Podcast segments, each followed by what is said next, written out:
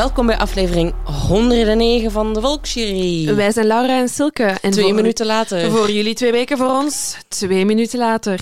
Ja, weet je, ik ga van het moment gebruik maken om het even praktisch uit te leggen. Het ding is, wij hebben live shows en dan zijn wij alles weer op vakantie. As we speak. Oh ja. As we speak is mijn BFF podcast host in the fucking USA. Oh, New. York City. Zeker. dat. Op dit moment is zij waarschijnlijk, het is 9 uur s ochtends bij ons, dus is zij nog aan het pitten. Hoogstwaarschijnlijk. Ik heb er wel zin in. Living her life. Is, staat er al iets op de planning eigenlijk voor New York? Nog geen tijd gehad om, om het te bekijken, maar ik ben er wel al geweest. Dus ik weet wel wat dat we kunnen doen en hoe dat we het moeten doen. Maar voor Annick is de eerste keer. En we waren zo aan het denken... mm, oh, waar gaan we eens naar op, alleen naartoe? Hè? First world problems. Keihard. Oh nee, we moeten een reis boeken. Oh. En ik had gewoon Google Maps erbij gepakt. Wat trekt mij? Waar wil ik naartoe? Niet te lang, een weekje. Wat kunnen we doen? En ik zag daar New York op duiken. En ik, ik zei het voor de grap tegen Aniek. Schat, zullen we anders naar New York gaan? En zij zo totaal onverwacht. Ah ja, oké, dat is goed. En voilà, we hebben die dag nog geboekt. Heerlijk. En eh, voilà, we verblijven in, eh, in een Airbnb in Brooklyn. Heel benieuwd naar. Ik ben echt super bang om hipstermeid. gescamd te worden. Maar, Maar nee, tuurlijk komt goed. Nee, dus super veel zin in. En ja, als het, as we speak, ben ik daar nu. Dus eh, de volgende aflevering zullen jullie alles weten komen over mijn avonturen in eh, de Big Apple. Ik heb er zin in. Leuk. En jij? Ja, wel, dat betekent ook eh, even slecht nieuws voor jullie dat de aflevering van 27 april met een weekje wordt opgeschoven naar 4 mei. Want ehm Silke en ik gaan elkaar zo high-fiven in de lucht. Eh, want als zij, zij landt, zit ik eh, op een vliegtuig naar Ierland. Ja, cool. Ja, Ierland. eh. Hoe, zijn, hoe zijn jullie daarop gekomen? Kijk, ik ben blij dat je het vraagt. Dus ehm, Lucas en ik hebben vorig jaar zieke ruzie gemaakt over ons... eh, Zieke ruzie. zieke ruzie over reizen in het algemeen. Ehm, Hoezo? oh, het ding is gewoon...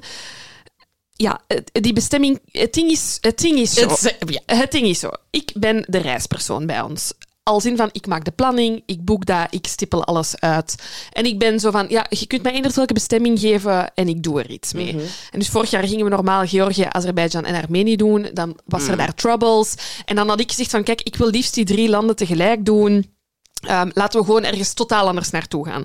Maar Lucas had zijn zinnen al op Georgië gezet, dus heb ik mij daarbij moeten bij neerleggen. En om discussies zo te vermijden, hebben we beslist om niet meer drie weken op vakantie te gaan, maar tien, tien. Oké, ja. dus tien deal. dagen, één, tien dagen. En mag dus elk om beurt kiezen. Dus zei ik, ja, kies jij dan de voorjaarsvakantie? En toen koos die man Ierland. En toen dacht ik, het gaat daar heel de tijd regenen. Ik was zo, oh ja, na de live shows op een warm strand. Ja, nee. Maar we hebben alle twee zitten dus niet op een warm strand. Nee, nee, voilà. Ehm, en het ding is zo, weet je, hate the player, hate the game. Dit was de afspraak. Hij heeft zich aan de afspraak gehouden. Namelijk gewoon gezegd van, ik wil graag daar naartoe. Ik mag dan in oktober Maar kiezen. ik denk wel echt dat dat een toffe reis is. Dat gaat hoor. leuk zijn, dat gaat mooi zijn, maar ik moet mij gewoon echt voorbereiden dat ik geen streepzon ga zien. En dat is wel moeilijk voor mij. Mm, Ja, ik snap het. Ehm, maar ik heb me er nu over gezet. Eh, ik ben de reis aan het plannen. Het gaat superleuk worden. We gaan hele leuke dingen doen. Mhm. Wat staat er al op de planning? Eh, het allerleukste is een puff-puff safari. Wat is een puff? Zo puff? die, die puffins. Kent je die vogels? Die hebben zo'n heel Ah, speciale ja, bek. ja, Ja, ja, die zitten daar. Je kunt ook mogelijk walvissen en dolfijnen spotten. Dus we gaan met zo'n boot zo puffins. En, Oh, dat is wel tof. Ja, dus dat vind ik heel leuk. Ehm, whisky komt blijkbaar uit eh, Ierland en niet uit Schotland. Dus we gaan, zullen, dat niet beide landen? ja, we gaan naar de oudste whiskybrouwerij gaan. Ah, cool. Ja. Ehm, dat- we gaan Dublin doen, we gaan eh, Belfast doen, dus de grote steden daar. Amai, drukke agenda wel. Ja, ja, voilà, een beetje roadtripje door Ierland. Oh, je hebt gelijk. Ja, Lucas heeft gelijk. ik wil u dan nooit meer horen zeggen. Ehm, maar dus dat is de reden dat onze aflevering een weekje verschuift. Ehm, can we take a break, please? Ja, sowieso.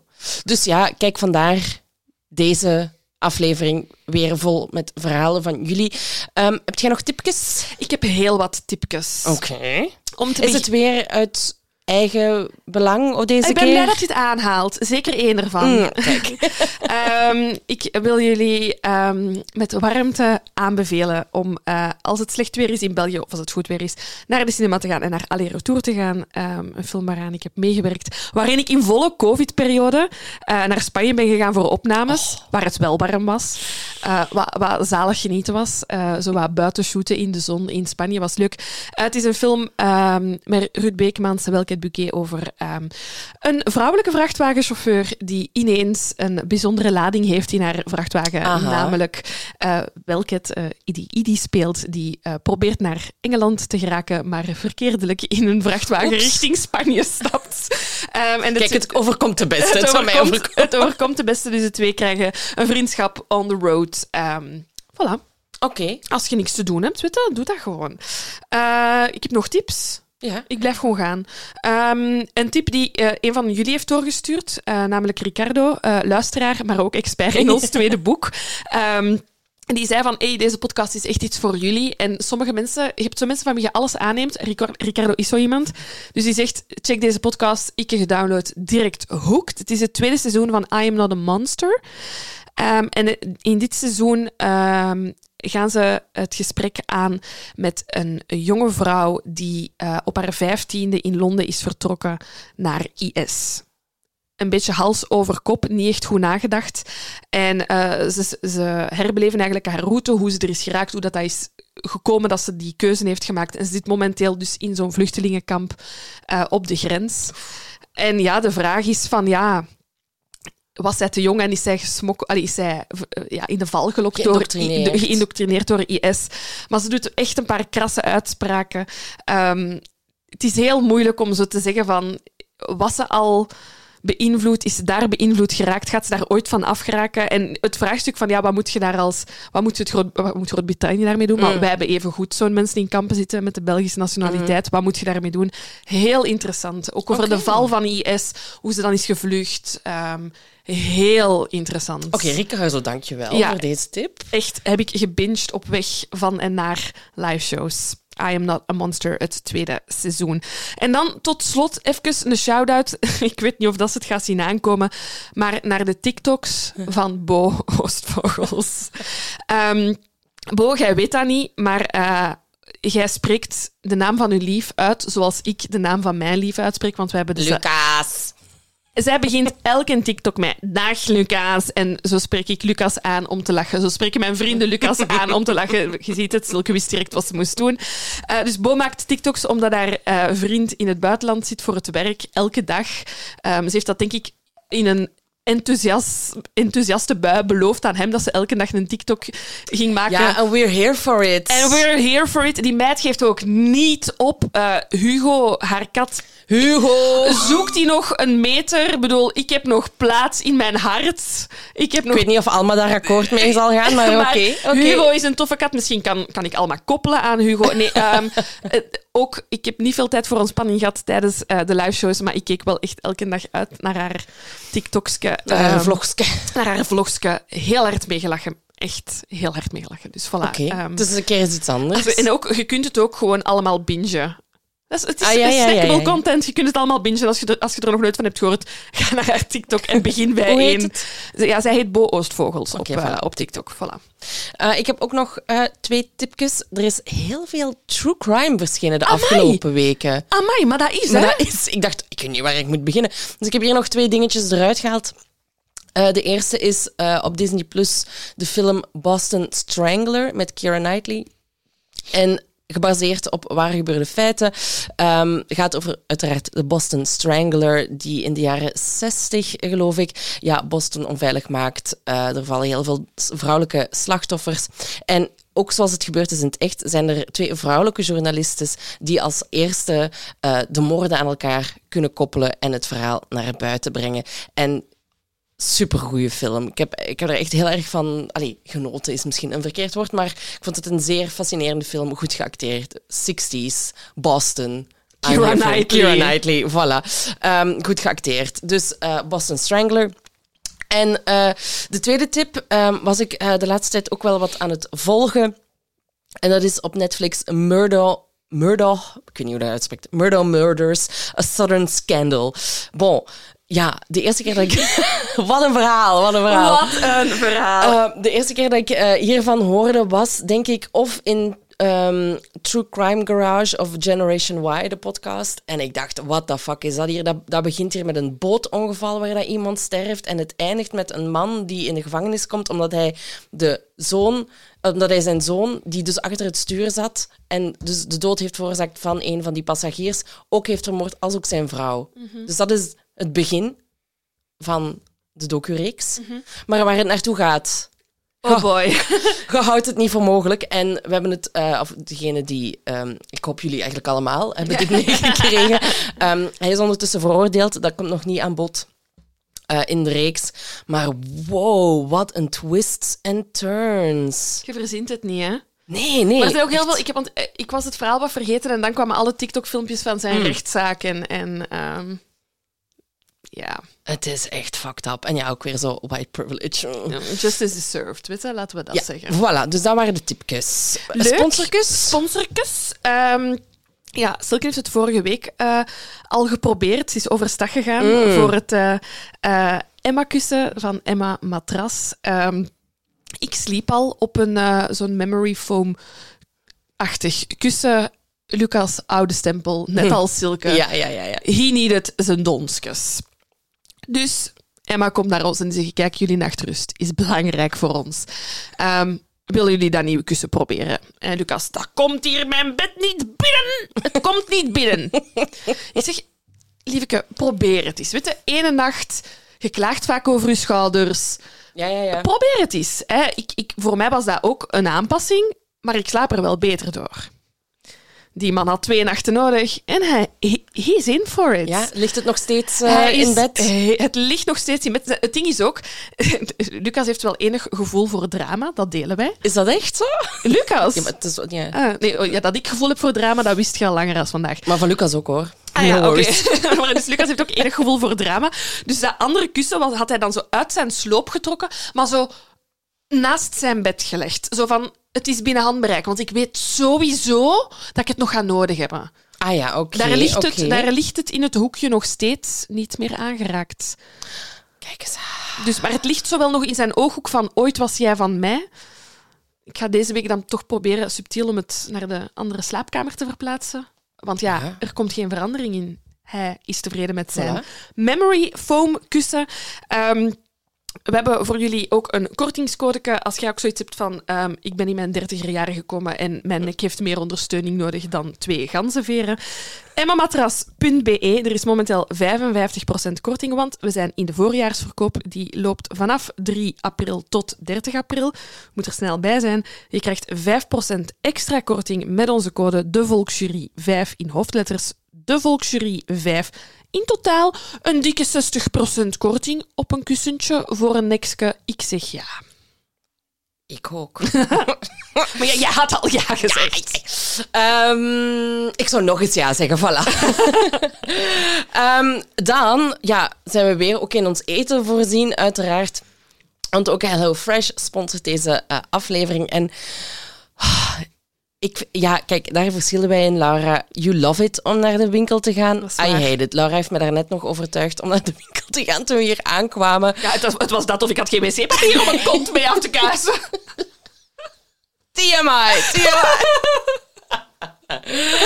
En ik zo, oh maar Lara, ik wil niet naar de winkel, ik wil niet naar de winkel. En bon, Lara zo, kom, we gaan dat doen. Even mental support van, van Lara. En wat dat ook was, ik had ook uiteindelijk niet zoveel nodig. Dankzij HelloFresh had ik eigenlijk al het meeste in huis. Het waren gewoon echt de basics die ik nog nodig had. Dus ik hoefde ook gewoon niet veel tijd door te brengen in de winkel. Ik was Lara wel af en toe kwijt in de winkel. Daardoor heeft het misschien wel weer iets langer geduurd, omdat ze hier een promo zag en daar een promo zag. Maar dat vind ik ook wel gewoon fijn aan, aan HelloFresh. Als je niet naar, graag naar de winkel gaat, dat je echt zo wel binnen-buiten kunt zijn. Gewoon nog zo wat beleg, wat brood, whatever. Maar zo je grote inkopen, ja, dat is- dat is geregeld. Ja, En dat vind ik gewoon super nice. Dat ik ook daar nog niet over moet gaan nadenken. Want ja, je moet op voorhand nog een lijstje maken. En dan zo, oké, wat gaan we dan koken? Ga op zoek naar een recept. Je moet dat nog allemaal... Ja, bon, het kost mij allemaal veel tijd. En met HelloFresh klikt je gewoon... Ah, dat ziet er mij goed uit. In het mandje. Dat ziet er mij goed uit. In het mandje. En dan wordt aan uw deur afgegeven. wat gaat je deze week eten? Eh, wat staat er nog op het menu? Er staat eh, een Indisch gerechtje op het menu Lekker. en een Aziatisch gerechtje met noedeltjes. Mm, altijd goed. Altijd goed, hè? Dus ja, gewoon een kleine vraag van Silke aan HelloFresh. Kan wc-papier worden toegevoegd bij de levering? Of kunnen we op een of andere manier recyclen dat we met die kartonnen zakken toch ons poep kunnen afvegen? Allee, het is maar een suggestie, dan zijn wij echt... Ja, Dat dan, is set for life. ik, ik wou zeggen, dan tatoeëer ik het logo van HelloFresh op mijn gat, maar dat ga ik ook niet doen. Maar dan zijn we wel happy. Ja, ja, ja, dan kunnen we echt verder. Voilà. Wil jij ook Wil jij ook het logo van HelloFresh op je gat tatoeëren? dat HelloFresh toiletpapier mee opstuurt? Ehm, nee, bon, even serieus. Als je eh, HelloFresh wilt, dan krijg je 75 euro korting op je eerste drie boxen. En dat is zowel voor nieuwe als oude HelloFreshes als je meer dan drie maanden geleden je, li- je lidmaatschap hebt opgezegd. Tuurlijk hoort daar ook een kortingscode bij. En dat is Hello Jury 75. Allemaal in hoofdletters. Hello Jury 75. Voilà. Zo, oké, zoals beloofd, nog wat verhalen. Goh, het waren er al heftige, hè, de vorige Het aflevering. was intens. Ehm, het zit nog in mijn hoofd. Uiteraard omdat wij twee minuten geleden nog aan het opnemen waren. Maar ehm, dit zijn we- ik ga wel ook schaamteloos jullie verhalen stelen voor op café. Ik, ga, ik ben daar eerlijk over. Tuurlijk, ja. Ik zeg gewoon één van mijn luisteraars en dan vertel ik jullie verhaal. Maar dat mag, hè? Ik vind dat wel. Ik vind dat wel. Wij hebben nu het recht. Ja, je hebt het... Dat, dat, dat heb je niet gelezen, hè? Die kleine lettertjes waarin we zeiden dat dat nu onze verhalen werden. Jullie hebben het recht uit handen gegeven. Voilà, copyright is ours now. Ja, oké, jij mag beginnen. Het eh, eerste verhaal komt van Zoe. Liefste Laura en Silke. Man, wat baal ik dat ik geen enkel ticket voor een live show heb kunnen bemachtigen. Hopelijk zijn jullie het na deze marathon van shows nog niet beu en maak ik toch nog eens een kansje jullie eens in het echt bezig te horen of zien. Alle begrip ook voor jullie keuze om de komende weken de afleveringen wat anders aan te pakken. Dank u Zoe. Om jullie hierbij een handje te helpen, deel ik graag mijn verhaal met jullie. Ik heb het in de zomer ook al eens ingestuurd nadat ik de vorige aflevering met eigen verhalen had beluisterd. Maar uiteraard was ik hier toen veel te laat mee. Ehm, de titel eh, is uiteraard eh, Romantische badkamermoord. En zegt, de titel heb ik helaas niet zelf bedacht, maar props to de standaard. Wat een teasende titel, inderdaad. Bon, over naar het verhaal. Het verhaal speelde zich af in 2008 of 2009. Ik zat in het, in het vijfde of zesde middelbaar en had enkele jaren daarvoor een bepaalde leerkracht gehad. Net zoals alle leerkrachten op onze school precies vertelde zij ook redelijk veel over privésituatie thuis. Zo wisten we onder andere dat het niet echt goed zat tussen haar en haar man. Ze hadden ups en downs, maar de downs hadden de laatste tijd de overhand. Ik denk dat ze drie, vier jaar lang mijn leerkracht is geweest, dus ik was in die jaren wel wat te weten gekomen. Het jaar nadat ik nog les van haar had, gebeurde het. Op een avond, tijdens een van die ups, stelde haar man voor om samen een badje te pakken en er een romantische avond van te maken. Hij had het bad al laten lopen, er brandden kaarsjes en als ik het mij goed herinner, stond er een flesje wijn of zo klaar. Zij mocht alvast het bad ingaan, hij was nog heel even bezig en zou daarna ook komen. Enkele minuten later is hij in de badkamer aangekomen met een groot keukenmes en heeft haar een paar keer in haar buik gestoken. Da- eh, daarna is hij in volle paniek naar buiten gelopen, in de auto gestapt en is 200 meter verderop frontaal op een leegstaand gebouw ingereden. Mijn leerkracht overleefde de aanval, is in shock naakt het huis uitgerend en heeft aangebeld bij de buren om haar te helpen. Dit alles gebeurde terwijl de kindjes gewoon thuis waren. Toen de Ah. politie ter plaatse kwam, zagen ze een brief die klaar stond op de huiscomputer. Dit was een afscheidsbrief. Van haar. In de tijd dat zij al in bad lag, heeft hij de brief geschreven. Hij heeft hierin getypt hoe ze weet dat ze een slechte vrouw en moeder was en hoe ze de kinderen mee het graf in zou nemen. Hij wilde dus doen lijken op een zelfmoord, maar had totaal geen plan. Gelukkig is hij zo verschoten van alles dat hij het huis onmiddellijk is uitgevlucht. Anders had het veel erger kunnen aflopen. Hij belandde na de botsing met de wagen voor enkele weken in coma. Toen hij wakker werd, kon hij zich niets van het voorval herinneren. Ja, Maar gelukkig vloog hij toch voor enkele jaren in de gevangenis in. Ik dacht dat ik er sommige delen bij had verzonnen door de jaren heen, maar toen ik een artikel opzocht om mijn verhaal te staven, leek toch alles redelijk accuraat te zijn, behalve dan misschien de fles wijn. Voilà, uiteindelijk heeft iedereen het gelukkig overleefd. Mijn leerkracht is na anderhalf jaar of zo ook terug beginnen werken en hij zit hopelijk nog steeds achter slot en grendel. Dat was het Thought You Would Like It. Dames, doe zeker zo verder. Ik kijk iedere keer weer uit naar welk spannend verhaal jullie nu weer voor ons in petto hebben. Tot hoors, Zoe. Oeh. Goeie titel. Wat een debiel. Wat een debiel. Dat is weer eh, stap 1, 2 en 3 over nagedacht, maar niet over 4, 5 en 6. Ik vind het ook opmerkelijk dat zo stap 1, 2 en 3 het bad, de wijn en de, kaarsen waren. En, dan Ja. zo, en nu moet ik overgaan tot moord, maar ik heb eigenlijk niks gepland. Ehm, wat mij wel zorgen baart, is die brief waarin hij zegt dat hij, allee, waarin zij dan zogezegd zegt dat ze de kinderen ging meepakken. Was dat deel van het plan? Ging hij de kinderen meepakken? Want dan, spreken, dan is hier wel een groot drama Ja. kunnen vermeden worden. Al goed dat hij ervan geschrokken is Ja. en, en, en zichzelf tegen een gevel heeft gereden, want... Maar ook, I call bullshit, hè. die weet dat wel nog. Hè. Ah, tuurlijk. Stomme. Tuurlijk. Maar Eh, wat een verhaal, maar ook zo... Leerkrachten, waarom vertellen jullie zoveel tegen jullie leerlingen? Ik moet wel toegeven, ik heb, ik, er zijn echt wel ook zo nog bepaalde anekdotes dat ik weet van leerkrachten dat die over hun privésituatie vertelden. Hmm. Oké. Ja? Ah, bij mij was dat niet zo. Nee. Katholieke scholen. Ja, ik had ook een katholiek, Mm. maar het waren natuurlijk wel niet de meest katholieke leerkrachten die persoonlijke verhalen vertelden. Ehm, ik moet wel ook zeggen dat dat mijn allergrootste angst is. Om iets voor te hebben en bloot te zijn. Ja, ja, ja. Want dan is het kiezen tussen, ja, ik ben hier aan het doodbloeden of ik doe nog een badjas aan. Maar ja, jij bent toch zo'n persoon die u niet geneert voor uw naaktheid? Nee, maar op straat. Dat is toch een ander... Maar ja, bon. Hallo. En het over- bloed, over- het bloed is misschien wel afleidend. overleven is dan wel... Ja, Allee, primeert. Absoluut. En inderdaad, wel echt ehm, goed dat zij Ja, heeft wat een- overleefd. Overlevingsskills ook, hè. Om dan inderdaad naar de buren te lopen, help te vragen. Ja, straf. Crazy. Dank je om te delen, Ja. Zoe. En goede titel van de standaard. Absoluut. Dat wel. Alright, ik heb een anoniempje. Een anoniempje. Dag Laura en Silke. Allereerst, eh, trouwens, we selecteren niet op eh, emotionele en melige intro's, maar we appreciëren ze enorm. Zeker. Dag Laura en Silke. Allereerst, wauw, wat een show in Gent. Jullie straalden die avond letterlijk en figuurlijk. Zo blij dat ik hierbij kon zijn. Sindsdien kan ik jullie intromuziekje niet meer beluisteren zonder aan de openingsbeelden te denken. Zo sterk. Het was heel fijn om jullie te ontmoeten. Ik was vooral een beetje starstruck en kon weinig zinnigs uitkramen. Wanneer ik tijdens een vorige aflevering hoorde dat jullie opnieuw naar verhalen zoeken, heb ik even getwijfeld, maar toch gekozen om iets neer te schrijven. Je ziet maar wat je ermee doet. Ehm, ik ga een trigger warning geven voor deze verhaal. Het is heel heftig. Oké. Mijn verhaal begint eigenlijk al redelijk vroeg in mijn leven. Ik ben geboren in een familie waar langs vaders kant toch wel wat loesje kantjes waren. Zo had of heb, geen idee of de mens nog leest, leeft, heb of had ik dus een grootvader die zelf parfum leegdronk om zijn alcoholverslaving te bevredigen en zijn geld dan in een dronken bui opstookte in de open haard. Dit terzijde.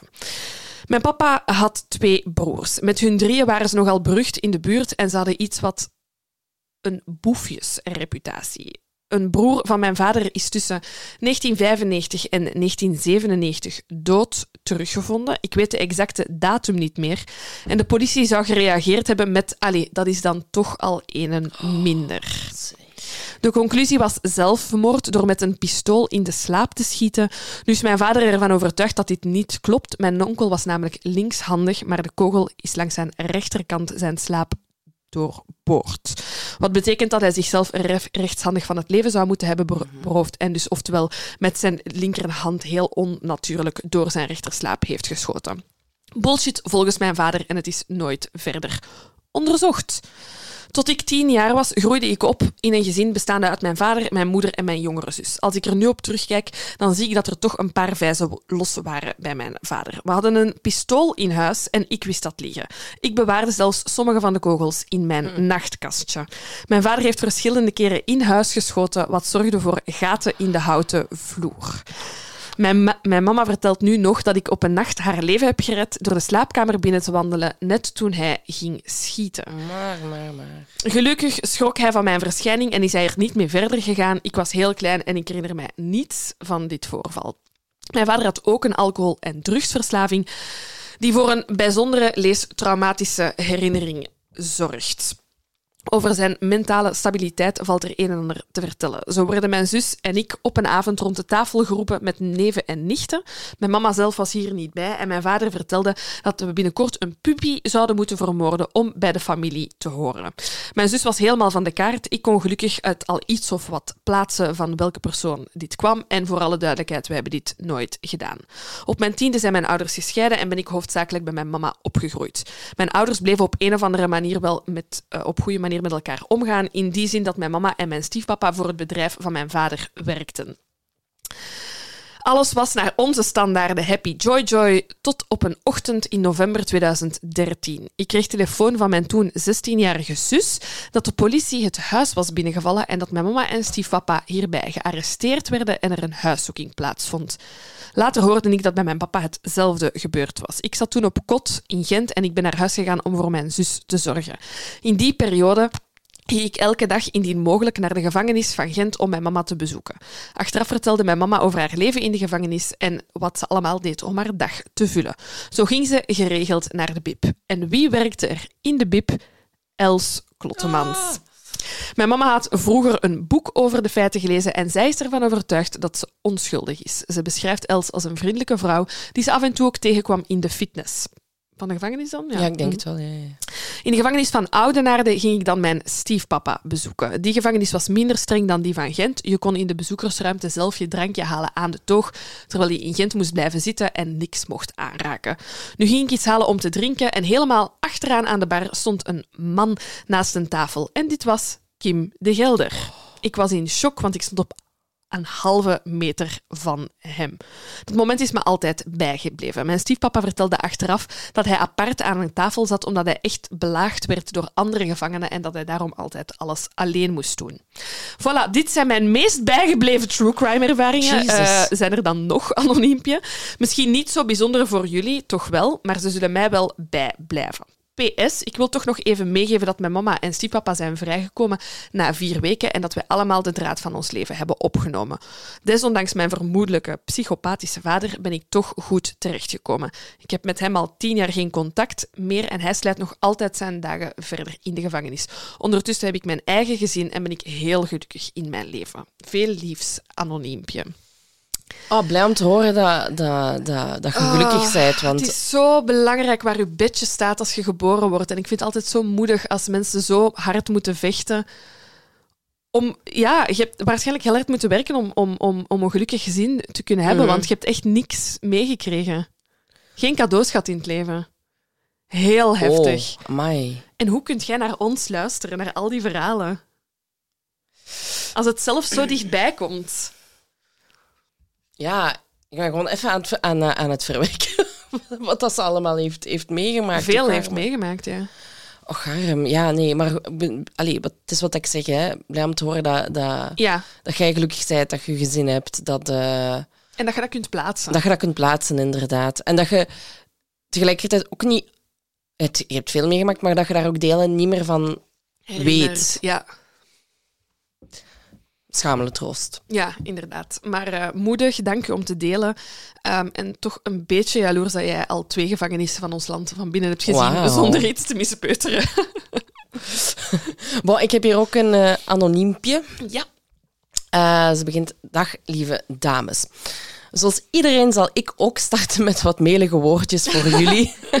en dan in, in hoofdletters. wat jullie allemaal doen is ongelooflijk. Proficiat met wat jullie al, allemaal bereikt hebben. En ik hoop, dat het zo, ik hoop dat het zo mag verder gaan voor jullie. Ik kijk er naar uit jullie te zien op de live show. Oh, dat is lief. Ik ben, vooral door zware podcast en documentaire verslaving, de wandelende true crime specialist thuis en bedenk op dagelijkse basis ook de meest onmogelijkste scenario's waar ik mogelijk kan in belanden. Met de kans op van één op oneindig dat ze ooit gebeuren. ik had echter wel nooit gedacht dat het van elke plaats mogelijk net in mijn ouderlijke huis zou voorvallen. Mijn familie woont in een zeer landelijke gemeente schuin onder Brussel, waar nooit wat gebeurt. Maar toen wel maar toen wel een inbrakenplaag. Mijn familie ging even een weekendje weg en het brave kind dat ik ben ging house zitten, unief met Paperslife. Het was al laat op de avond en tijd om richting mijn bed te gaan, dus ik was beneden alles aan het afsluiten. Toen ik vooraan in het huis was, bij het grote raam, hoorde ik echter een auto aan hoge snelheid die vlak voor het huis heel vlug vertraagde en dan weer doorreed. Ze hadden beter hun motor eens nagekeken, want dat ding maakte veel lawaai. Vreemd, dus ik dacht even te blijven staan daar. We hebben rolluiken aan alle ramen, dus niemand kan binnenkijken en ik kon daar, en ik kon daar rustig wat koekeloeren. Minder dan twee minuten later hoor ik hetzelfde. Oké, raar. Ik begon al lichtjes nerveus te worden, maar nou Biggie, misschien toch toeval. Maar na vijf keer dacht ik wel, oké, nope. Gelijk een echte spion doe ik de rolluik een heel klein beetje naar boven om naar buiten te kunnen kijken. Kwestie van een nummerplaat misschien te zien. Oh boy, mijn timing was niet geweldig, want geen tien seconden later stoppen er twee auto's en stapten er een viertal mensen uit, helemaal in het zwart gekleed. Ik wist hoe laat het was, maar in plaats van de politie te bellen, zoals ieder normaal mens, bel ik een goede vriend om super rustig te zeggen ik denk dat hier inbrekers voor de deur staan.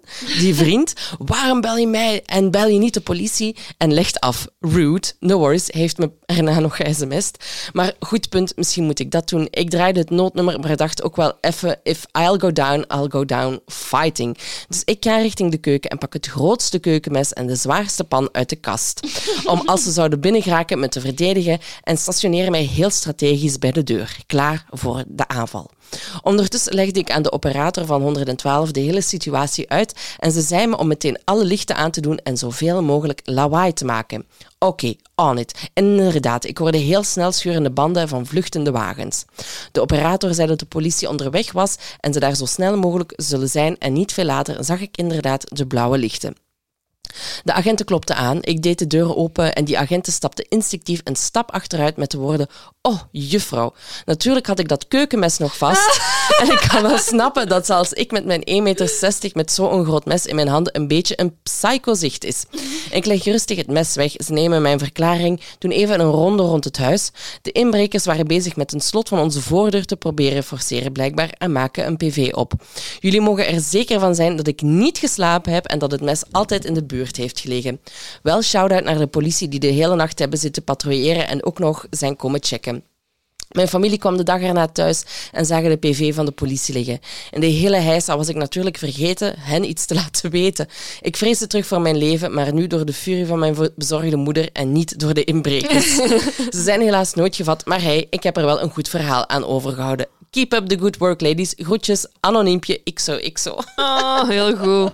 En nu, ik ga u eens een tip geven. Onze, ik vind het een supergoed verhaal, maar het doet er, omdat ze niks aan haar ouders heeft gezegd. Ja. Mijn uh, mama... Um, was ook is op, het, uh, op haar ouderlijk huis uh, aan het passen. Of ik denk dat ze misschien zelfs nog thuis woonde, maar ze was wel al volwassen. En mijn grootouders waren op vakantie en op dag twee is er ingebroken. Um, en toen heeft de politie gezegd van... Meisje, je kunt daar niks aan doen. En uw ouders kunnen daar vandaar ook, ook niks aan doen. Verpest je een vakantie niet en zegt dat niet. Ah.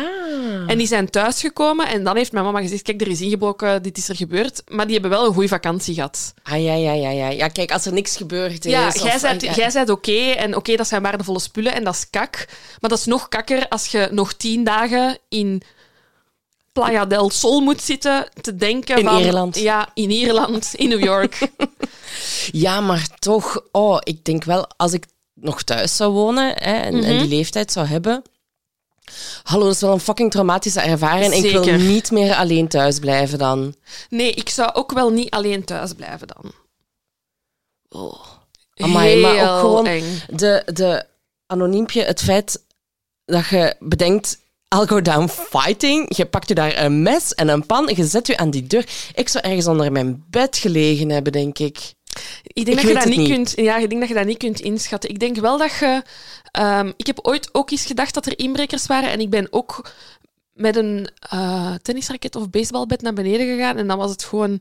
Hoe komt je aan een baseballbed? Ja, dat weet ik eigenlijk niet. Dat, misschien was het een tennisraket of een hockeystick. Ik weet het al niet meer. Naar beneden gaan, dat was gewoon niet, uh, mijn dronken broer dat thuis kwam. maar dus uh, je kunt dat niet voorspellen wat uw reactie gaat zijn, nee, denk dat is ik. waar. Dat maar is waar. wel goed gedaan. Nee, niet goed gedaan, want je moet eerst de hulpdiensten Ja, bellen. voilà. Toch een klein puntje van opbouwende kritiek. Opbouwende kritiek. Die Maar ze vriend ook zo. The fuck, belt jij mij? En ook zo afleggen. Ja. Zo van, end of discussion. Ja, zo, dit is geen goed idee. Einde. Wow, dit was een, even een luchter, eh, Ja. lichter verhaal. Oké, ik ga nog lichter dan licht. Oké, goed, goed, goed. Eh, mm, Ik ga de, de titel niet voorlezen, want dat geeft al veel weg.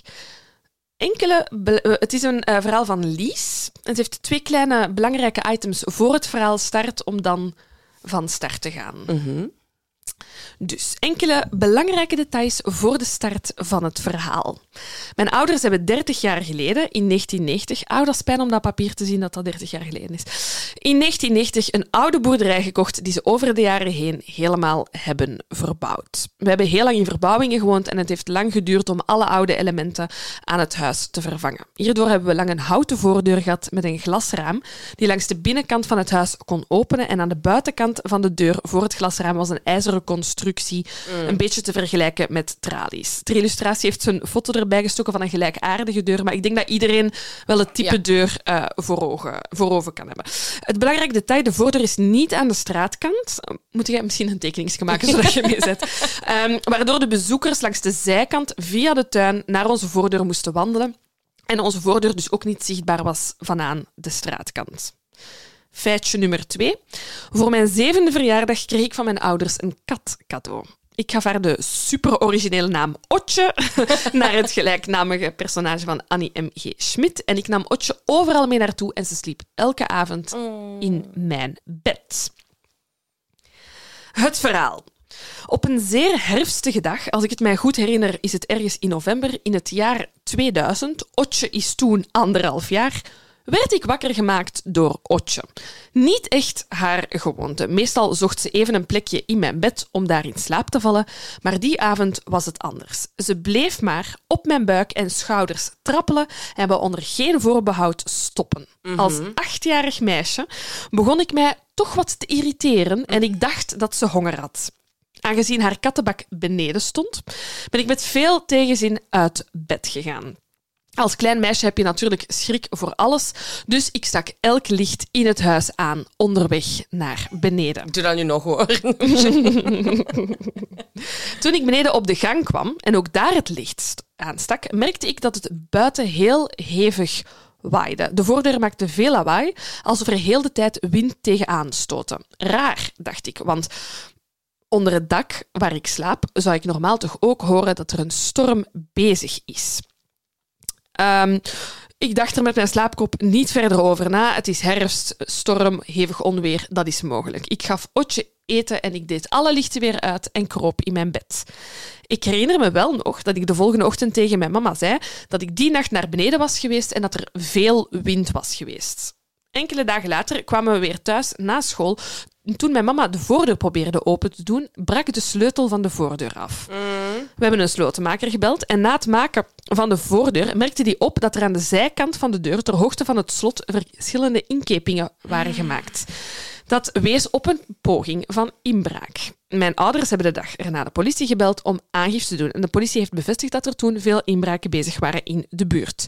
Toen we het achteraf dit verhaal samenlegden met het rare gedrag van ons Otje een paar avonden ervoor en de rare wind die ik had gehoord, konden we alleen maar concluderen dat Otje de inbreker heeft opgemerkt, mij heeft wakker gemaakt en omdat ik alle lichten in het huis heb aangestoken, is de inbreker gestopt.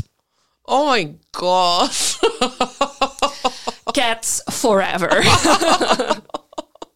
dus die stond daar, Ja. op die rug. Hallo, opstaan. Er is iemand die probeert binnen te breken. En dat gebonk tegen de deur was niet de wind, maar was dus gewoon die inbreker. Oh my god. Oh. Leuk. Ja, Leuk verhaal. love it. Dankjewel. Ehm, ik ga het... eh, ja, wel, ik ga wel de titel zeggen, want ik vind het een leuke. Dood door een brood. Hele goede titel. Goeie titel, hè? Het komt van eh, Alicia. Alicia. Ehm, en ze begint gewoon meteen met het verhaal. Hupsa, Appreciëren we. Ja, zeker. Mijn verhaal speelt zich af tegen de achtergrond van de Eerste Wereldoorlog. We gaan terug naar, eh, zoals in de vorige aflevering, een beetje geschiedenis. In een klein dorpje in Oost-Vlaanderen, Schoonaarde. Dit is een deelgemeente van Dendermonde. Ik heb het... Ja, Ja, misschien moeten we dit even schetsen we voor... moeten eh, het schetsen. we we- moeten het- dus ehm, Dendermonde, het is een plek eh, waar wij niet veel aan dachten. Nee, dat kwam nooit in mijn leven. Ik was daar ook nog nooit geweest totdat wij begonnen aan onze tour. Of totdat wij Ja. mensen van ons management leerden ontmoeten. kennen. Ja. Ehm, we, gaan ze, weet je, we gaan ze anoniem houden. We, Laten we, dan maar eens... we, Voor Beter zo. we noemen hem Patrick. Patrick van ons management. En die is afkomstig uit Dendermonde. En sinds we dat weten, en sinds we daar eenmalig zijn geweest, roept Dendermonde ons langs alle We kanten. zien het overal opdagen. Dus ik stuur naar Laura deze zin. Wat stuurt Laura naar mij terug? Hup, er staat in Brussel een busje met daarop Tros Bijaard. Uit Dendermonde. Uit Voor Dendermonde. wie het niet zou weten. Ik wist dat. Nee, dus en sinds kort is Dendermonde elke dag in mijn leven. Ehm, elke keer als we de Patrick zien, gaat het... We beginnen er zelf niet over. Hij begint er ook niet over. Maar op een of andere manier gaat het altijd over Dendermonde. Ja. Dendermonde komt op ons af. Het roept ons. Ik denk dat wij gaan eindigen in Dendermonde. Oké, maar dus jij kon niet anders dan dit verhaal kiezen. Exact, exact, exact. bon, ehm, ik ga verder met het verhaal. Ik heb het verhaal zelf van mijn mama gehoord. Mijn grootouders wilden er niet echt over praten, omdat het voor hen nog redelijk dramatisch was. In het begin van het jaar 1918 werd mijn overgrootvader, Bernardus, bijnaam, en dat gaat iets Dendermonds uitgesproken worden, Nargen Duvel, Ik vind het een mooie poging. N-A-R-D-J-E-N. Nargen. Nargen? Ik heb geen idee wat We het zou bellen kunnen- ze biedt naar Patrick. Ja, voilà. Nargen Duvel. Blijkbaar had mijn overgrootvader een sterk temperament. Ehm, dus hij was op de trein gezet richting een detentiekamp in Duitsland vanuit Wetteren. Deze trein vertraagde in Schoonaarde, waar hij woonde. En mijn overgrootvader sprong dan ook van de trein om te vluchten. Zijn vluchtpoging was succesvol, want de Duitsers vonden hem niet meer terug. Zoals mijn mama het mij vertelde, sliep Bernardus ongeveer een zestal maanden onder een boom, omdat hij schrik had om terug naar huis te keren en zo toch nog opgepakt te worden. Dit lukte een tijdje, maar op een gegeven moment had een van zijn zussen hem herkend toen zij een boodschap ging doen in een ander dorp. Mijn overgrootvader drukte haar op het hart om zeker tegen niemand iets te zeggen. Iedereen wist toen al dat het einde van de oorlog in zicht was. Het moet toen ongeveer juni 1918 geweest zijn en hij hoopte zo de detentiekampen te vermijden en te overleven. Ondanks de waarschuwingen praatte zijn zus haar mond voorbij en ze vertelde thuis dat zij haar broer gezien had. Hierna keerde Bernardus dan ook terug naar huis en hoopte nog een tijdje onder te duiken en zo de oorlog te overleven. Zoals dit gaat in kleine dorpjes, deed de roddel snel de ronde dat Nargen Duvel nog leefde en niet in een detentiekamp was. Deze roddel bereikte ook een van de Duitse soldaten die daar gestationeerd stond. Deze Duitse soldaat, we kennen zijn naam niet, kwam dan ook een kijkje nemen in het huis van mijn overgrootvader. Toen bleek dat hij daar toch was, nam een van de familieleden, we weten niet exact wie, een oud brood dat beenhard moet geweest zijn en sloeg er de Duitse soldaat het hoofd mee in. De familie heeft nadien beslist om de soldaat s'nachts te begraven in de tuin. Mijn mama kende dit verhaal van een onkel die regelmatig langskwam en die dit vertelde. Mijn grootvader kon telkens heel geïrriteerd raken indien hij dit vertelde. Hij zei zelf telkens, zwijg erover, straks gaan ze hem nog gaan zoeken. Mijn grootouders moeten dus wel een idee hebben van waar deze soldaat begraven ligt, maar het blijft tot op de dag van vandaag voor ons een groot mysterie waar deze man ligt of wie hij was. Dit was mijn familiemysterie. Hopelijk vonden jullie het interessant om te lezen. Groetjes! All is fair in love and war, denk zal wel ik dan. zijn. Een oud brood. Steenhard. Heel goed. Snakka op die Kan alleen in. Dendermonde gebeuren. Waanzinnig. Ik wil wel graag ehm, wat voiceberichten van mensen die Nargen Duvel Ja, juist graag. uitspreken. Anders we Patrick gaan moeten wachten. Ja, Ah, kunnen ze hem straks misschien even ook eens sturen? ja, ja. Ja, heel benieuwd. Heel leuk verhaal. Leuk verhaal. Ja, Dat is ja. weer een opkikkertje. Ja, maar ook, ja, ik ga dan ook weer meteen verder. Wie was die Duitse soldaat? Was er van die van zijn familie? Ik bedoel, zo, er is dan ook weer een heel Het is ook niet schrijnende zijn kant. schuld, snap je? Nee, ja, Hij voilà. zit ook maar onder een regime. Exact, exact, exact. En die, die ligt eens nog ergens in een Vlaamse tuin. Allee, in Dendermonde gewoon. Hoeveel onbekende graven zijn er in Dendermonde? Zuster Gabi en nu maar, die duister. begin maar te spitten, hè. In Dendermonde. Spitten, jongen, volgens mij echt waar. Elke karot dat je eruit trekt, is met een been eraan vast.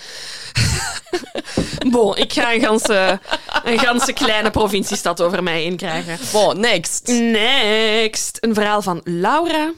Oog in oog met twee. moordenaars. Beste volksjury, beste Laura en Silke.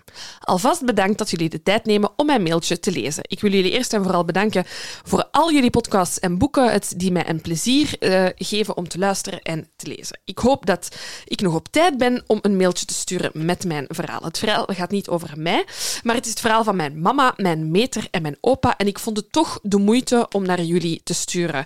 Het, gaat, het verhaal gaat uh, over uh, een aflevering die we hebben gebracht. En ze begint met een klein stuk. En, uh, met twee, het zijn eigenlijk twee anekdotes. En over de eerste anekdote zegt ze dat dat, dat, dat niet zo speciaal is. En ik was echt, mijn, mijn tong lag al op de grond mm. na de eerste anekdote. Dus ik wil gewoon even zeggen, jullie moeten jullie zelf beter beginnen in te schatten. Het verhaal loopt horizontaal met aflevering 49, De moord in het vraagteken. In ah. Gerardsbergen, ja. De eerste keer dat ik het verhaal hoorde, was ik geschokt, want ik heb een heel groot deel van mijn jeugd in Gerardsbergen, midden in het centrum en in de buurt van dat veranderde café toen al doorgebracht. Mijn mama en grootouders hebben al vaak over de zaak gepraat en alle informatie die daaruit voortkwam, deel ik nu dus met jullie.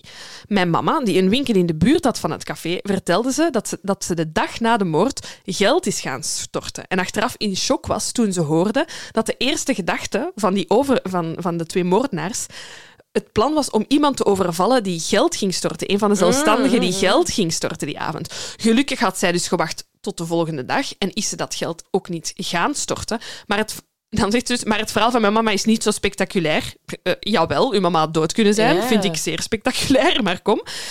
Um, maar het is wel uh, bijzonder om te zien uh, dat, welke invloed het had op iedereen uit Gerardsbergen. En iedereen had wel een link met de daders of de slachtoffers. Het volgende verhaal is van mijn meter en mijn opa.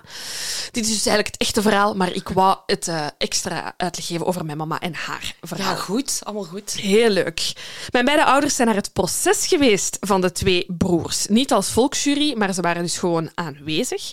En mijn meter vertelde hoe dat ze erg onder de indruk was van de twee beklaagden. Ze vertelde dat de ene broer heel ingetogen was.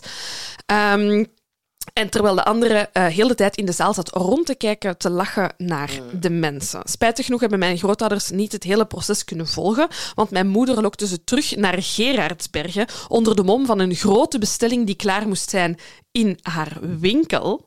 Maar de echte reden was om aan te kondigen dat ze in verwachting was van mij. Oh. Dus ik hoop dat mijn meter en mijn opa toch blij waren dat ze hiervoor niet de rest van het proces hebben kunnen volgen. Maar dus ja, de hele familie heeft een link met de, het, de moord in het vraagteken.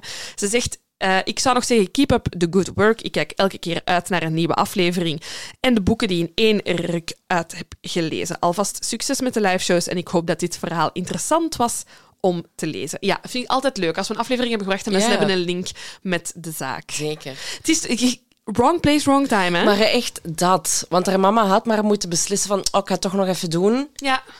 En ja... Dan was je dood. Inderdaad. Oeh, en dan ook zo nog die rechtszaak beginnen. Het is echt, ja... Het gebeurt in een community, hè. Ja, en, uh, ja.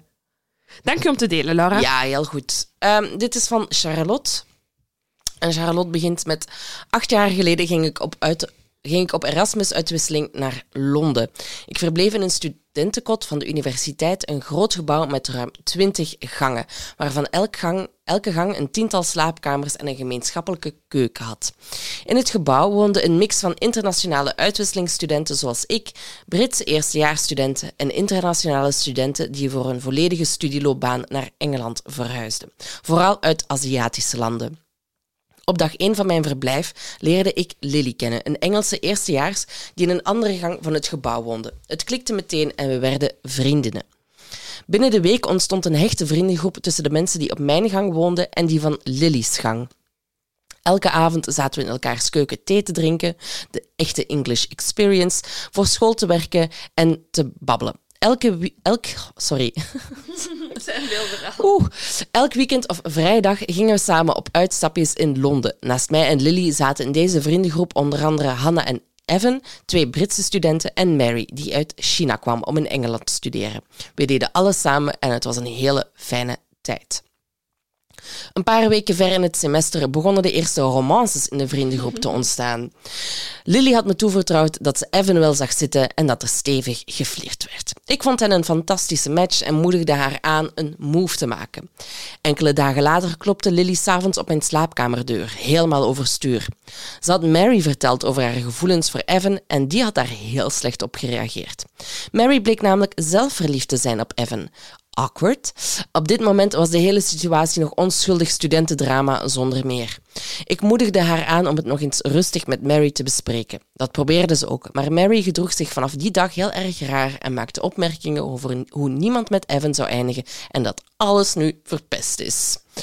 Ongeveer een week van spanning en awkwardness later is alles uit de hand gelopen. Evan kwam plots helemaal in paniek aankloppen bij Lily en Hannah, onze andere vriendin. Evan, die op dat moment ook nog niet wist dat twee kotgenoten verliefd waren op hem, had een bericht gekregen van Mary die op dat moment niet op kot was. Het was een heel lang bericht waarin Mary aan Evan in detail beschreef hoe ze hem ging vermoorden, hoe ze ging zorgen dat hij heel traag en met veel pijn doodging en wat ze allemaal met zijn lichaam ging doen als hij dood was. We trokken met dit bericht naar de bewaking van ons kotgebouw en zij belde op hun beurt de politie, die de bedreiging heel serieus nam en meteen ter plaatse kwam. Het probleem van de politie was dat ze niet wisten waar Mary op dat moment was. Toen hebben ze Hannah mee in hun plan betrokken. Hannah moest een bericht naar Mary sturen om haar naar kot te lokken met een vals excuus. En dat lukte. Een half uurtje later kwam Mary toe op kot waar de politie haar opwachtte en meenam. We hebben Mary sinds dat moment nooit meer gezien. Sommigen, waaronder ik, hadden Mary wel nog als vriend op Facebook. Daarop plaatste ze de weken nadien foto's vanuit een psychiatrische instelling waar ze verbleef. Ze heeft nooit meer contact met ons opgenomen. Ze mocht ook niet zelf haar spullen komen halen op kot. Lily en Hannah moesten die inpakken en hebben toen in haar kast nog een gigantisch mes gevonden dat niet bij de gewone messen in de keuken lag. Dat hele weekend functioneerden we puur op adrenaline. Maar toen ik die zondagavond mijn ouders in België videobelde om te vertellen wat er gebeurd was, ben ik in tranen uitgebarsten. Zoals de meeste Erasmus-vriendengroepen is ons contact helaas een beetje verwaterd, maar hier toch een paar updates. Ik heb geen enkel idee hoe het met Mary gaat of waar ze is. Ik denk dat ze onder waanzinnige stress stond door op zo'n jonge leeftijd, zoals toen denk ik 17, helemaal alleen van China naar Engeland te verhuizen om zeer prestigieuze studies aan te vatten. Deze situatie met Lily zette de vriendschap met de enige mensen die ze kende in Engeland op het spel. En ik denk dat dat iets geknakt heeft in haar hoofd. Ik hoop alleszins dat ze de juiste hulp heeft gevonden en dat het goed met haar gaat. Evan heeft er gelukkig geen al te traumatische gedachten aan overgehouden. Toen ik een jaar of vijf geleden nog eens op bezoek ging, vertelde hij het hele gebeuren al als een strafverhaal op café. Remember that time my flatmate wanted to kill me? Maakte echt wel indruk op café. En tussen Lily en Evan is het nooit iets geworden. um, ja, ik, heb ik dat, hebben we dat gezegd? Waren we aan het opnemen toen ik zei die periode tussen 18 en 23 is ja, zo... Ja, ja, Again, je wordt inderdaad van alles van, van, van hulpbehoevend high school kind naar ineens ben je volwassen en... Doe maar, hè. Vooral als je dan ook nog van, ik weet niet waar, naar een heel ander, het andere eind van de wereld moet uh, verhuizen. Ja. Oef, ja, amai, maar ook, ja, je zet die leeftijd. Dus ze hebben dat wel weer goed aangepakt. Ze hebben meteen de politie gecontacteerd. Ik vind het heel raar dat de politie hen heeft ingeschakeld. Ja, omdat ze niet wisten waar Mary was. En ik denk dat ze het zo snel mogelijk ja. wilden oplossen. Ja, ja, ja, ik weet het, maar ik vind dat zo... Ja, ja, ja. Ik zou dan zeggen, geef je gsm en je tipt wel een bericht of zo, maar je gaat toch niet aan die kinderen vragen, kom, tip die... Ah, ik weet het niet. Ja, ik weet het niet. Ik kan dat niet inschatten. dat vind ik heel spannend.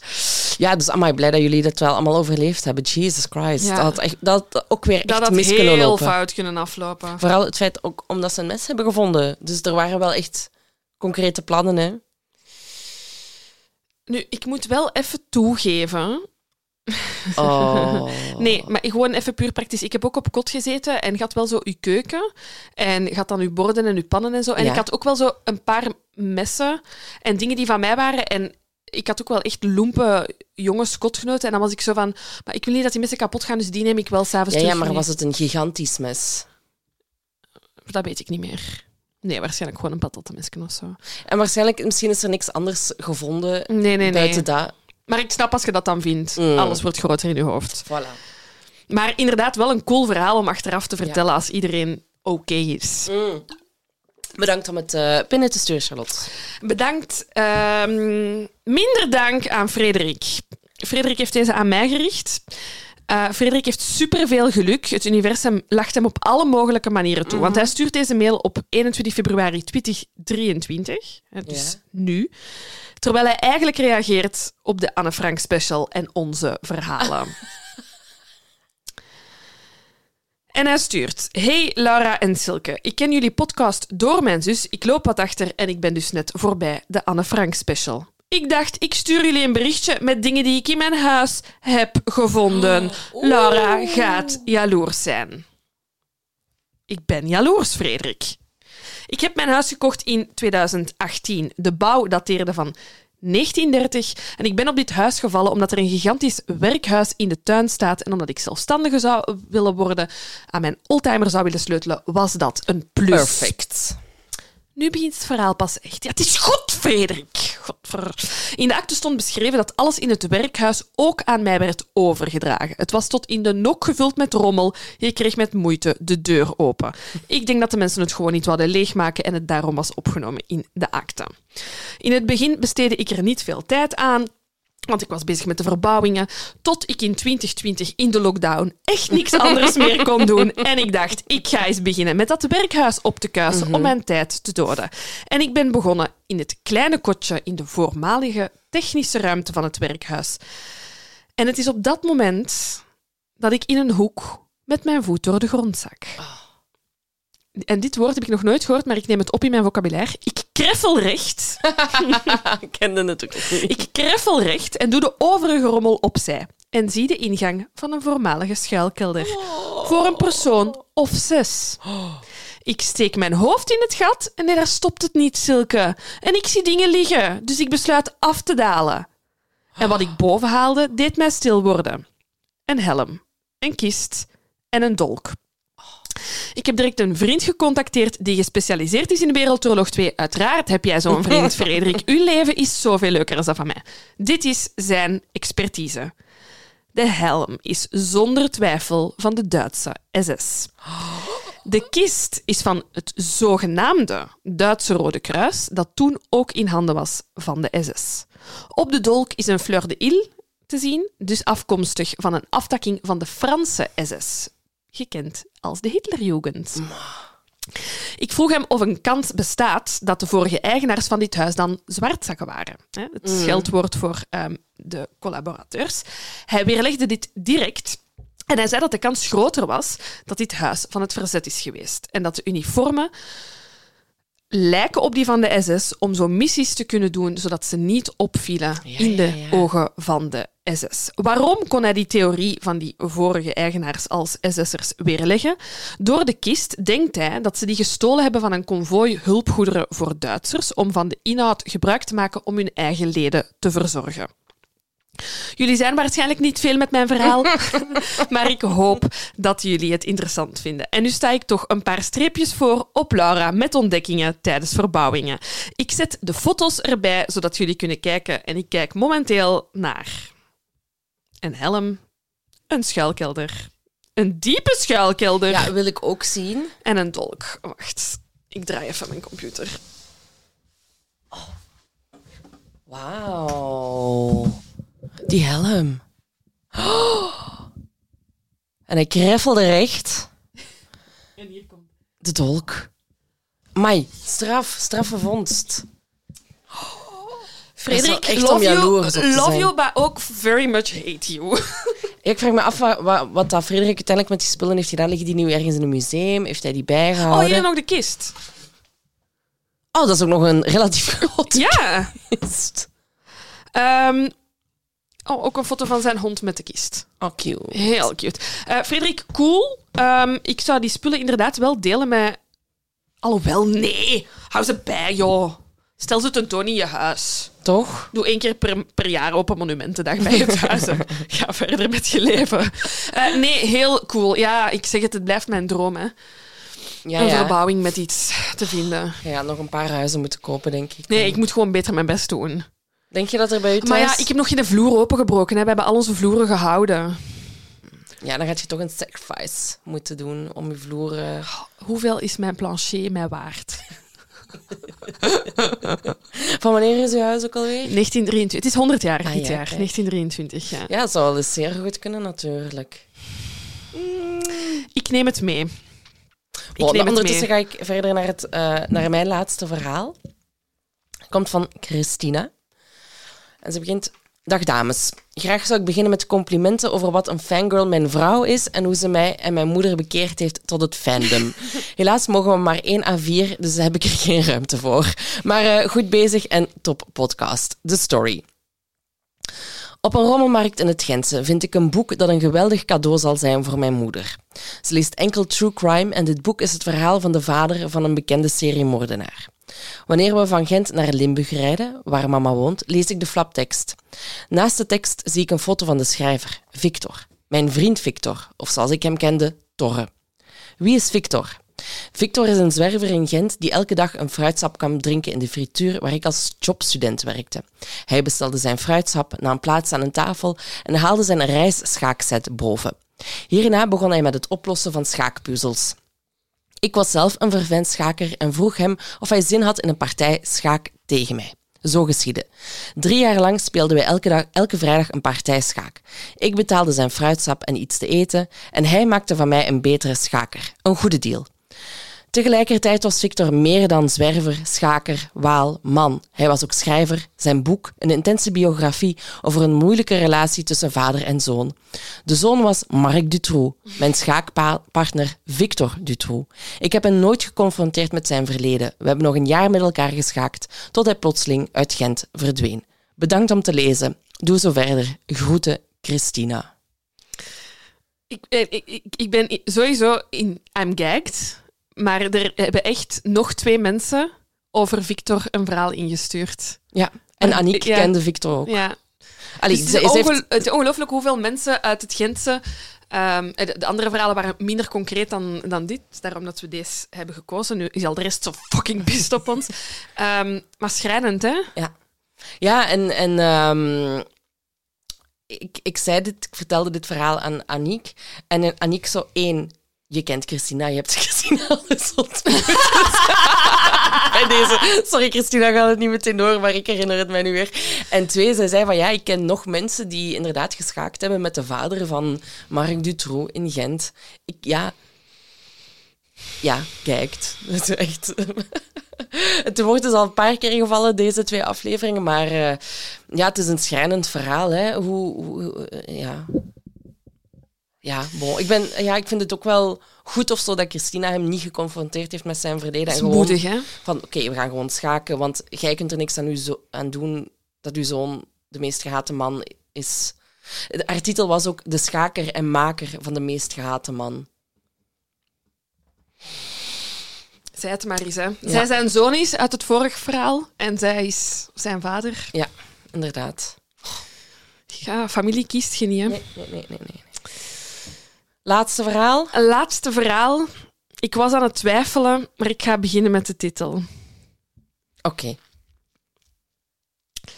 Ik overleefde de bende van Nijvel. Alright, dit verhaal komt van Tineke. Het heeft een begin, midden, stuk, ja. stuk dat we kunnen weglaten. Dat gaan we niet doen. En einde. Ze, Het, is, het zijn wel twee A4'tjes. ja, Maar maar, met zo'n titel kan dat vergeven worden. Ze excuseert zich ook onderaan het verhaal dat ze geen Comic Sans heeft gebruikt. Dan denk ik, meid, you're good.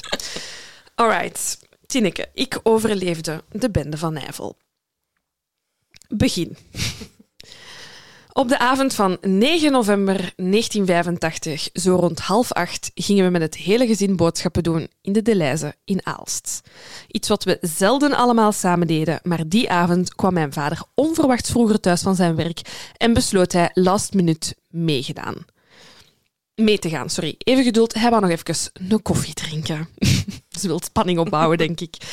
Uh, midden. Mijn vader reed, mijn moeder zat ernaast. Links achteraan zat mijn oudste broer van negen, rechts mijn jongere broer van acht en ik zat als kleine zus van vijf in het midden.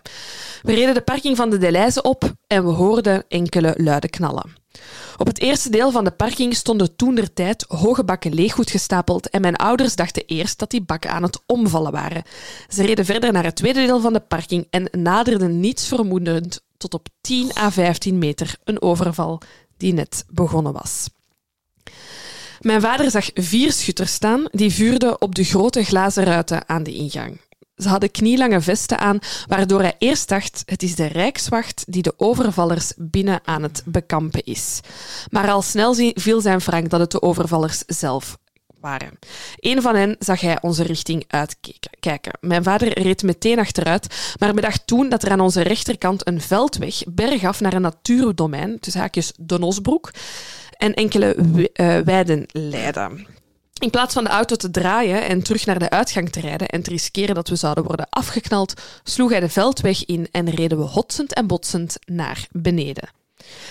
Mijn vader zag grijs en vloekte non-stop. Mijn moeder keek constant achter zich om te kijken of er niemand achter ons aankwam. En mijn broers en ik zaten ineengedoken op de achterbank. En ik riep: Waarom schieten die? Waarom schieten die? Na een tijd kwamen we op een T-kruispunt. Gelukkig konden we niet linksaf, want in die richting zou de tweede vluchtwagen hebben gestaan van de bende. Maar we sloegen rechtsaf. Wat verder op de uh, wat verderop eindigde de weg en begonnen de weide. Mijn moeder wou blijven zitten, uh, zitten, maar mijn vader riep: We moeten hier weg. We zijn over de hekken geklommen, de weide ingelopen. Ik zie het nog altijd mhm. als een Sound of Music momentje. Tot we aan de achterkant van een huizerij aankwamen. We klopten op het raam en we vroegen of we mochten schuilen. Regent het misschien? vroegen die onwetende mensen. Teletext werd meteen opgezet. Ja, het zijn de jaren tachtig en daar verscheen al snel overval op de lijzen van Aalst met drie schutters. Mijn vader zei meteen, het waren er vier, ik heb ze gezien. Mijn vader belde de politie en de Rijkswacht om te melden dat hij getuige was en dat onze wagen in Donosbroek had achtergelaten. Op, op ons vriendelijk opvanggezin bracht ons naar huis en rond negen uur waren de politieagenten bij ons thuis om de getuigenis van onze vader af te nemen. Onder, een van, eh, wacht, onder hen een van de drie agenten die ter plaatse waren en door de bende beschoten waren terwijl ze aan het vluchten waren. Gelukkig had hij zich al verschanst achter een glascontainer. De mens was anderhalf uur lang al bezig met getuigenverklaringen af te nemen en hij vroeg Wacht, hij vroeg ook of hij zijn vrouw eens mocht bellen, want aan haar had hij nog niets laten weten. Mijn moeder was gegeneerd dat ze de politieagenten niets kon te drinken aanbieden. ze veronderschuldigde zich met de woorden: Ja, we hebben onze boodschappen niet kunnen doen. En ze is dan maar drank bij de buren gaan halen. Oh. Dat je daar dan zo ja. aan denkt. Mijn vader volgde al jaren het nieuws rond de bende van Nijvel en hij wist veel over de vorige overvallen en de gestolen goederen. Ondanks dat hij de schutters slechts enkele seconden had gezien en tegelijkertijd zichzelf en zijn gezin probeerde te redden, kon hij heel veel details geven in zijn getuigenverklaringen. Uh, ze geeft er ons een paar mee. De kogelvrije vesten die ze aan hadden herkende hij als degene die twee jaar ervoor in Temse gestolen waren. Het waren namelijk zeldzame knielange vesten die niet enkel het bovenlijf beschermden. Hierdoor had mijn vader de schutters eerst als de rijkswacht aanzien. Noot van de redactie, waarschijnlijk waren ze dat ook. Twee, hij had ook wapens gezien. Twee riot guns, waarvan ze telkens de hendel achteruit moesten trekken om ze in te laten. één Uzi en één geweer. Achteraf bleek dat de gevonden kogelhulzen op de crime scene inderdaad klopten met de wapens die mijn vader beschreven had. Van de schutter met het geweer dacht mijn vader eerst dat hij de leider van de bende was, die in van allemaal richtingen wees om orders te geven. Nadien beseft hij dat die man niet met zijn vinger aan het wijzen was, maar dat het met zijn geweer was dat hij aan het rondschieten was. Bovendien ook bleek dat mijn broer van negen een pintere getuige was. Op, de, op een dag werd hij met mijn vader meegevraagd voor verhoor. Er stond een zandbak klaar met autootjes die de situatie op de parking moest uitbeelden. Een van die autootjes draaide mijn broer onmiddellijk om. Een auto die hij had zien staan bij het oprijden van de parking, maar dan in de omgekeerde richting stond de vluchtwagen, waarvan ze eerst hadden gezegd dat hij achterwaarts de parking weer afreed, al gedraaid met zijn snoet naar de uitgang. Dit bleek achteraf te kloppen en dit had mijn broer dus goed gezien. Achter die en die auto heb ik twee mensen zien wegduiken, zei hij terwijl hij twee auto's aanwees. De politieagent die de verklaring afnam, kreeg een waas over zijn gezicht en fluisterde tegen uw vader. Uw zoon heeft twee slachtoffers zien neergeschoten worden. Goed, nu komt de extra alinea die eventueel kon worden weggelaten. Gaan we niet doen. Nee, nee, nee, nee. Aangezien de verdenking richting Rijkswacht al heel snel verspreid geraakte, werd mijn vader bang dat ze hem zouden liquideren. Hij was een officiële getuige, hij had veel details gerapporteerd en zijn naam en adres waren bekend bij de Rijkswacht. Drie dagen na de overval kwamen twee Gentse BOB'ers bij mijn moeder binnen met de vraag om mijn vader te spreken. Ze belden naar zijn werk in Brussel en zijn, vader en mijn zijn baas stuurde mijn vader onmiddellijk naar huis. Hij vertrouwde het zaakje niet en hij stopte onderweg aan het tankstation om naar mijn moeder te bellen. Again, de 80s. En hij vroeg haar de mannen te beschrijven. Ze hadden leren vesten aan en allebei een holster met een pistool. In plaats van naar huis te rijden, reed hij naar het politiekantoor in Aalst en liet die naar de BOB van Gent bellen. Die bevestigde dat twee van hun mannen naar mijn vader gestuurd waren voor verhoor. Omdat hij het nog steeds niet vertrouwde, nam hij een politieagent mee. Die liet mijn vader de voordeur open doen, maar hij eh, liet, die liet mijn vader de voordeur open doen, maar ging eerst zelf naar binnen. Mijn vader moest in de gang blijven staan. Een echte actiescène. Groot was de opluchting toen de agent en de BOB'ers elkaar in de armen vielen en elkaar leken te kennen. Toch is mijn vader nog jarenlang wantrouwig gebleven. En terecht. Oké, en tot slot. Mijn vader was de organist van de ho- organist van de hoofdkerk in Aalst en moest nadien een aantal van de begrafenissen van muziek voorzien van de slachtoffers. Daar kwam zodanig veel volk op af dat het verkeer geregeld moest worden. Mijn vader herkende de politieagent die beschoten was en anderhalf uur lang bij ons thuis zat. Hij zei hoe erg hij het allemaal vond en de politieagent antwoordde: Jij kunt nog orgel spelen en ik kan het verkeer nog regelen. Toen mijn vader dat mij bijna 40 jaar later vertelde, kreeg hij de tranen in zijn ogen en brak zijn stem. Mijn vader heeft nooit nog één voet in de lijst van Aalst gezet. Mijn moeder heeft er enkele jaren over gedaan om terug te gaan. Maar één ding is zeker. Als mijn papa zijn koffie niet meer had gedronken en we waren een paar minuten vroeger vertrokken, dan waren we er misschien niet meer geweest. En ademen. Oeh. Ik heb echt de hele tijd met mijn adem eh, ingehouden gezeten. Wat een verhaal. Allee, wat een... Het is geen verhaal, ik bedoel, het is gewoon echt... Dit is echt gebeurd Gebeurd. en inderdaad, wrong place, wrong time.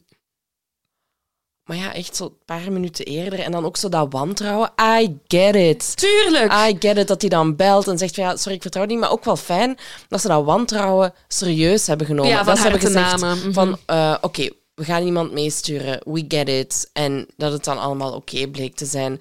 Ehm, en ook dat die vader dat zo al jaren op de voet volgde. En alles zo goed kon beschrijven. En dan inderdaad een superbelangrijke getuige wordt. Ja, en die broer, negen jaar, Ja, die draait een auto om. Die Maar zegt, ook nee, zo- nee, die stond omgekeerd. maar ook zo weten... Ah ja, maar dat zijn de eh kogelvrije vesten uit Temse die daar gestolen zijn. Mhm. In een fractie van een seconde. Want je zet ondertussen inderdaad je kinderen aan het redden, je vrouw aan het redden, je zet die parking af aan het redden, je zet aan het nadenken over waar je naartoe moet gaan. Maar dat toch nog allemaal kunnen onthouden. Heel straf. Heel straf verhaal. Ehm, Tineke is naar de liveshow in Gent geweest. Tineke was een van de eerste in de rij eh, bij het signeren. Heeft toen casual gezegd: Ik heb jullie een Ja. verhaal ingestuurd. Ik heb de bende van Nijvel overleefd.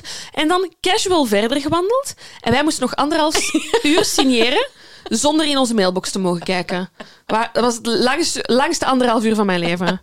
Ehm maar Tineke, heel goed geschreven, heel goed verteld. Wat een, wat een zalig alerte familie hebt jij. Op alle mogelijke vlakken. Hop dat veld in, hop bij die mensen Niet binnen. links, maar naar rechts. Heel slim.